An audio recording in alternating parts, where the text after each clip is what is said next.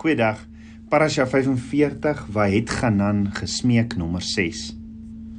Vraag: Is die wet of instruksies in die Torah, die eerste 5 boeke in die Bybel, nie werke van die vlees nie?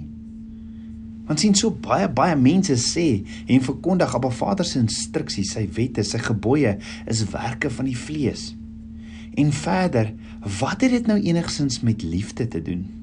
Tabernakelskind van Abba, na wie gaan jy luister? Want die vyand sal alles doen om nie in Abba Vader se weë dat ek en jy nie in Abba Vader se weë sal stap nie. Die dinge wat Abba Vader sê ons moet doen, wat ons nie moet doen nie en die dinge wat Abba Vader sê ons moet vermy, is nie werke van die vlees nie. Dink gou net daaroor. Werke van die vlees is per definisie is werke wat deur mense aangedryf word. Werke van die vlees per definisie word deur die mens bedink. Dit word ontwerp deur die mens en moet deur die mens bemagtig word. Abba Vader se instruksies, sy wette in sy woord is egter op geen wyse deur die mens uitgedink nie. Dis nie deur die mens ontwerp nie en is ook nie deur die mens bemagtig nie. Nee, inteendeel dit kom van die Skepper van hemel en aarde af wat ook in Genesis 1 vers 3 gesê het, laat daar lig wees. Dit is geesgeoriënteerde woorde wat gevul is met kreatiewe krag om dit wat gespreek is tot stand te bring. Vir die bruid van Yeshua of vir 'n verloste persoon wat volgens die woorde van Abba Vader, dit wil sê sy instruksies, sy wette leef of om daarvolgens te wandel kan per definisie eenvoudig nie 'n werk van die vlees nie wees nie want Die woorde van Abba Vader is gees. Dis vas in die geestesriem. Dit kan nie verander nie. En dit kom nie leeg terug nie. Jesaja sê in Jesaja 55 vers 10 tot 11, die reën en die sneeu kom uit die hemel uit en dit gaan nie daarheen terug nie, maar daar week die aarde en laat die plante bot en vrugte dra sodat daar saad is om te saai en brood om te eet. So sal die woord wat uit my mond kom ook wees. Dit sal nie on verrigter sake na my toe terugkeer nie, maar dit sal doen wat ek gedoen het, wil hê en tot stand bring waarvoor ek dit gestuur het. So die krag om volgens Abba Vader se instruksies sy woord te leef is in sy woorde, is in sy mishpatin, nie die vlees van die mens nie soos wat die krag in sy woorde was wat veroorsaak het dat daar lig was nadat hy dit gespreek het. So, wat is die bruid van Yeshua se betrokkeheid as dit nie werke van die vlees is nie? Dink gou daaroor. As jy jou grasperk sny, is die krag om jou grasperk te sny in jou of is dit nie grassnyer? Dit is nie grassnyer nie tensy jy op die, op jou knieë val en die gras gaan afbreek op die grond of gaan ja, stukkies breek, afbreek. Maar wat is jou betrokkeheid dan in die grasnyer? Of uh, wat is jou betrokkeheid aan die grassny met 'n grassnyer? En dit is om te sorg dat die grassnyer brandstof en olie gevul is en onderhou word sodat dit aangeskakel kan word as ook om die grasnyer te stoot in die rigting waar die gras gesny moet word, is dit nie? So die sny van die gras self is nie 'n werk van die vlees nie.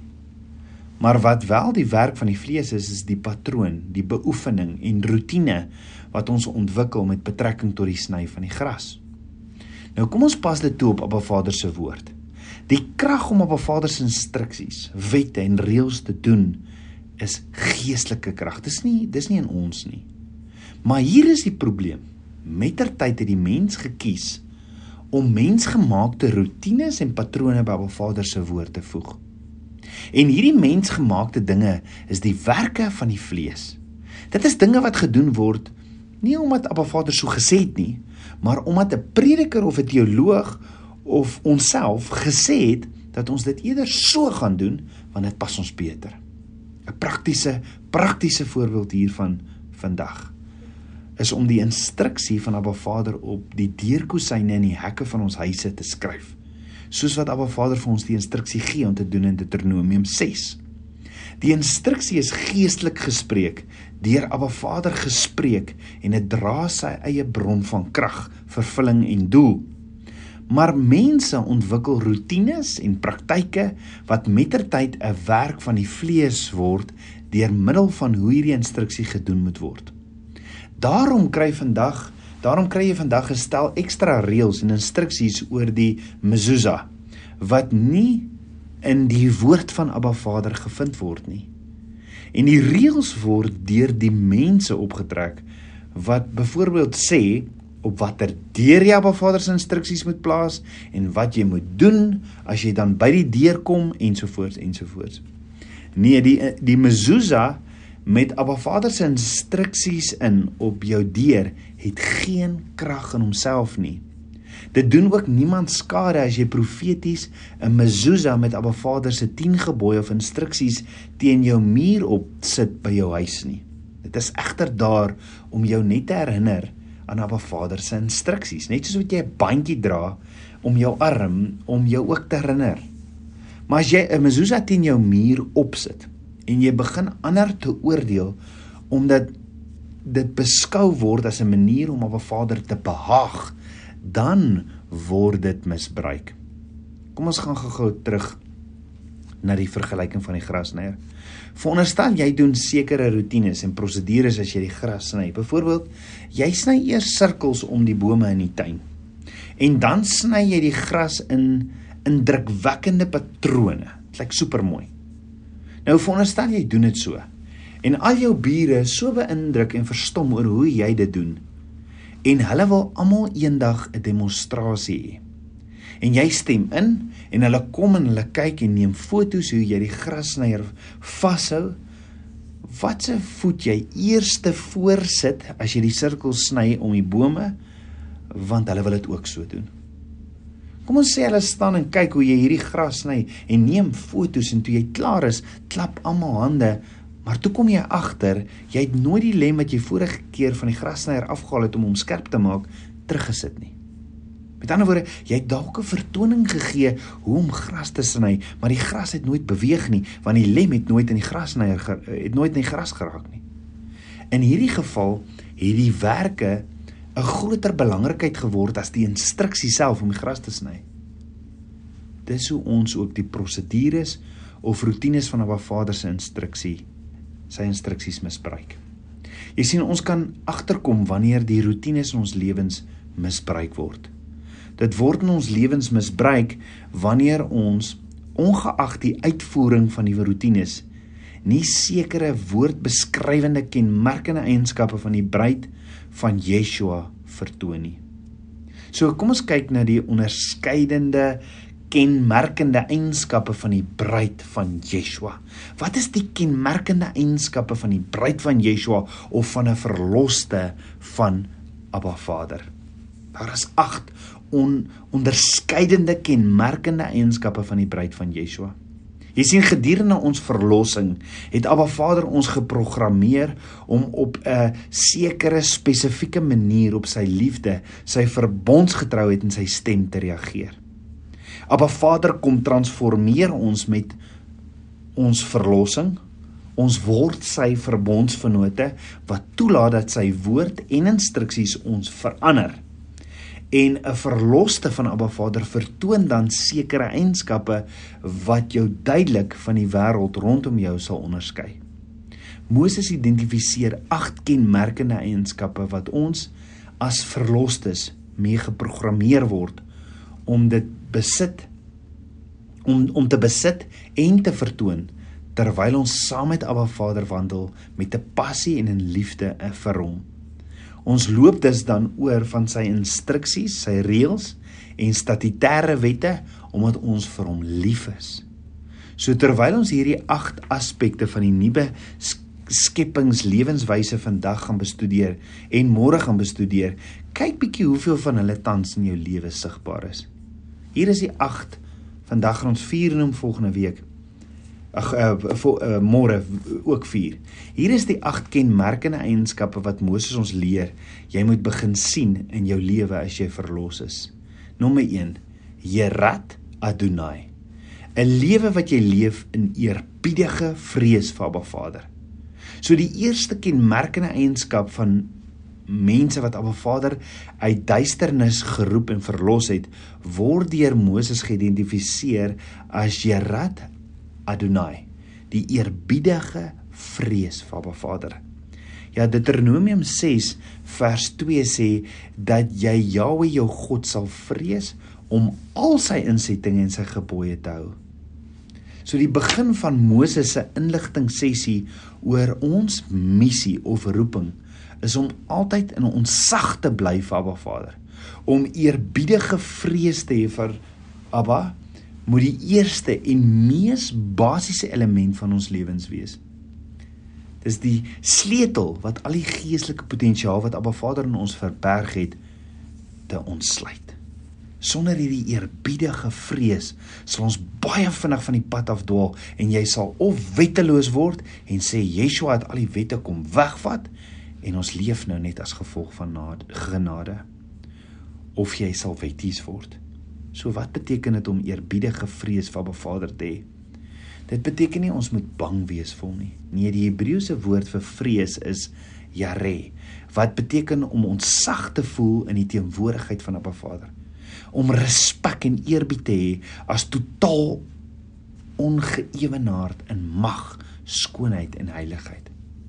Onthou dit is ook die kenmerkende eienskap van die engel rondom die troon van Abba Vader wat voortdurend sy heiligheid verklaar.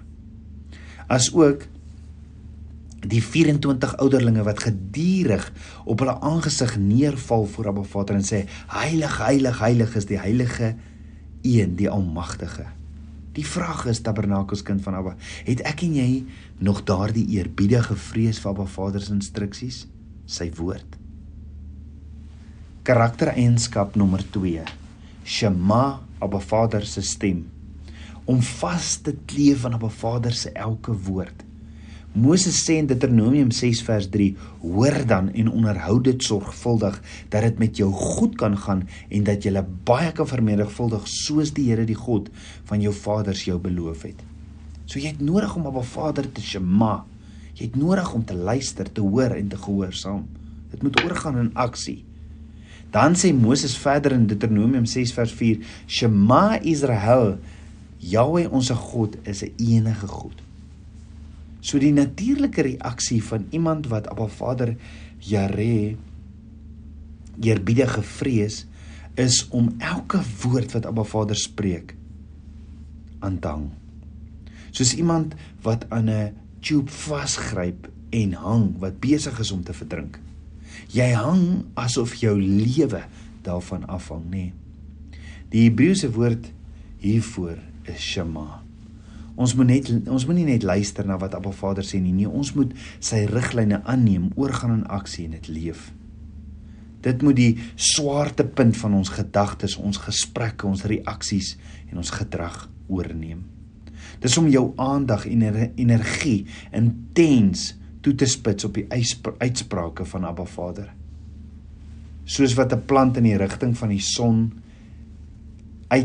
uitstrek om sy lewe gewende strale te ontvang, net so moet ons ons nekke en geestelike ore voortdurend uitstrek na Abba Vader se woorde en probeer om elke woord en elke lewegewende opdrag te hoor en te ontvang presies soos Abba Vader dit gespreek het en so doen.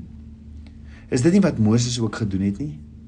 Jy sien die studie van Abba Vader se woord, sy instruksies is nie akademiese oefening nie. Die voorlegging van sy instruksies en reëls is ook nie 'n werk van die vlees nie. Beide die studie van Abba Vader se instruksies, sy woord en die onderhouding daarvan is natuurlike reaksies op die profetiese bemagtigende stem van Abba Vader. Abba Vader het ons geprogrammeer om sy stem te hoor en die lewe te ontvang wat binne sy woord is. Want wanneer die woorde van Abba Vader ons bewussyn binnendring, voed sy woord nie net om ons op te voed en om ons in in te lig nie. Nee, sy woorde begin dadelik om ons onmiddellik te verander. Soos toe Abba Vader in die duisternis gesê het, laat daar lig wees. Sy woorde het veroorsaak dat dit wat hy gespreek het in die skepping gebeur het. Net so, wanneer Abba Vader 'n instruksie in ons lewe inspreek, is dit sy woord wat krag vrylaat wat dit laat gebeur. Dis nie ek en jy wat wow is nie, dis hy wat vir ons die krag gee dat dit gebeur. So kan ek jou vra, wat verklaar jy as jy sê, ja, maar ek kan nie volgens Abba Vader se wette of instruksies leef nie? Ons gehoorsaam kom dis nie uit werk nie.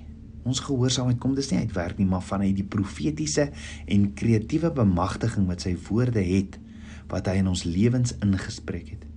Ons het dus 'n interaksie met hom deur ons praktiese toepassings van sy instruksies. Eerbiedige vrees, Herat Adonai Vader, moet ons leer dat daar geen manier op aarde is om hierdie missie of enige gedeelte daarvan onder ons eie krag, deur ons eie intellek of inspanning of deur ons eie wil uit te voer nie. Om sy stem te shema moet ons leer om net ons gedagtes, ons wil, emosies en aktiwiteitsorgane oor te gee aan die skepende krag van Abba Vader se woorde en toe te laat dat Abba Vader se missie op opdrag vir ons in en deur ons bereik word. Karaktereienskap nommer 3 om verband te hou met Abba Vader se eenheid. Moses sê in Deuteronomium 6 vers 4 4 Shema Israel Yahweh ons God is een. Shema Israel Yahweh ons God is een. So wat beteken dit dat Abba Vader een is? Die Hebreëse woord vir een is Echad. Echad word die eerste keer in Genesis 1 vers 5 gebruik om twee dinge wat saamgevoeg word te beskryf tot 'n een eenvormige eenheid. En Genesis 1 vers 5 sê en God het die lig dag genoem en die duisternis het hy nag genoem en dit was aand en dit was môre en dit was die eerste dag. So ons sien ook hierdie eenheid Egat in Genesis 2 vers 24 toe 'n vader vir Adam gesê het daarom sal 'n man sy vader en moeder verlaat en sy vrou aanhang en hulle sal een vlees wees. Jy sien Abba Vader is veelsidig. Hy het veel of baie fasette, maar is saam een. Hy is nie verskillende dinge vir verskillende mense nie. Hy is nie Allah vir moslems, sagmoedige Jesus vir Christene, Adonai vir die Jode nie. Maar Vader kan nie herskep word om by ons teologie te pas nie. Hy is die ek is. En ons kan hom nie teologies wil boks of in 'n boks wil plaas nie. Verder. Abba Vader was, is en sal wees. Hy sal nie verander nie. Abba Vader is nie een ding vandag en 'n ander ding môre nie. Let wel, Abba Vader openbaar hom aan ons in 'n aantal manifestasies en al sy manifestasies is in ooreenstemming met wie hy is en almal sal dieselfde wese weerspieël. Dink byvoorbeeld aan water.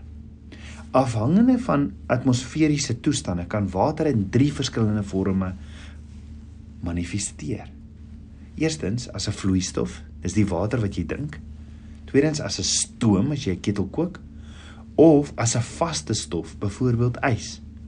En as jy die inhoud ontleed, bly dit altyd H2O. Dit wil sê dit bly altyd water. Om die heiligheid van Abba Vader te erken is dis nie net om te erken dat hy alleen die enigste God is nie. Dit is om te erken dat hy dat niks insluitend ons bestaan of is belangrik nie behalwe as dit met hom verband hou. Die rede hoekom jy hier is om in verbond saam met hom te wandel. Dis die rede hoekom ek en jy hier is. Hom te verteenwoordig om sy verbondsvernoot te wees en om hom lief te hê met jou alles. Kom ons bid saam. Aba Vader koning van my hart. Aba ek loof en ek prys U. Vader, dankie vir U woord. Vader, ek wil U aanbid. Shema Israel, ek wil U gehoorsaam. U is een God, Echad. En ek wil U dien met my hele hart, my hele siel, met my alles. Vader, vergewe my my sondes. Was my met die waterbad van U woord en kom leef U droom in my. Ek bid dit alles in Yeshua Messie se naam, die seun van Jahweh. Amen. Shalom.